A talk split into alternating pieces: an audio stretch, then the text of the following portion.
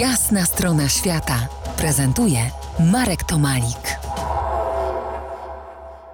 Kanska Miłość na Wyspach Owczych to tytuł książki, której autorką jest Ula Chylaszek. W książce znajdziemy sporo historii współczesnych mieszkańców wyspiarskiej krainy. Wśród y, tych historii spisałaś niezwykle intymną relację Ewy i Laili, o tym rozmawialiśmy kilkanaście minut temu.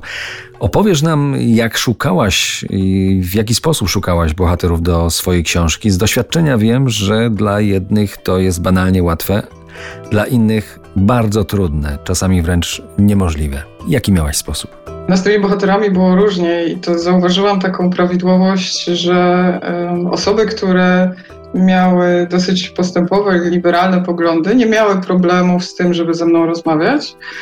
E, natomiast większy problem miały osoby bardziej konserwatywne. Tutaj wyjątkiem jest bohater, który się akurat znalazł w mojej książce, Schurur, który jest bardzo konserwatywny, ale on jest takim wyjątkiem, który potwierdza regułę, bo on akurat lubi występować, lubi mówić i nie miał nic przeciwko. Natomiast szukałam ich na, na różne sposoby. Zaczynałam od znajomych znajomych po prostu, y, od pierwszych osób, które poznawałam na początku, kiedy przyjeżdżałam na Wyspy Owcze. Pytałam, czy znają kogoś ciekawego i tak powolutku gdzieś tam ta sieć kontaktów się rozkręcała. Z czasem to zaczęło pracować samo na siebie, bo zdarzało się tak, że szłam na spotkanie z kimś i, i ta osoba mi podawała namiary do czterech kolejnych osób. I, I to naprawdę się w fajny sposób rozkręcało.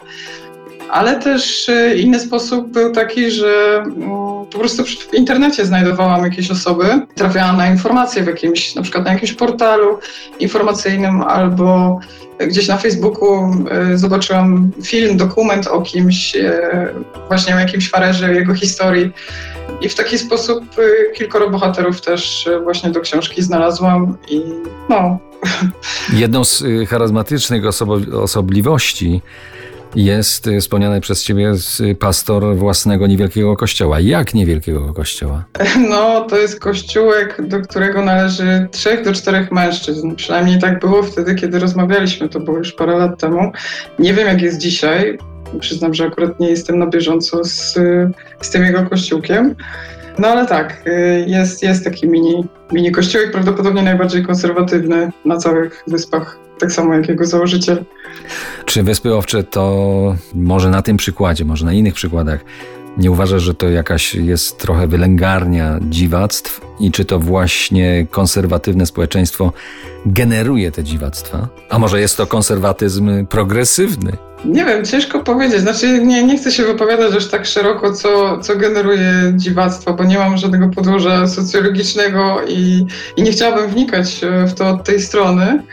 Ale na pewno jest tak, że jeżeli mamy do czynienia z małą społecznością, a w Farerzy na pewno taką są, to one się rządzą trochę swoimi prawami, więc tutaj y, życie pewnie wygląda trochę inaczej niż by wyglądało, gdyby ta sama społeczność funkcjonowała na przykład w Polsce, w jakimś y, mieście o tej samej liczbie mieszkańców. Do Wysp Owczych powrócimy za kilkanaście minut. Zostańcie z nami.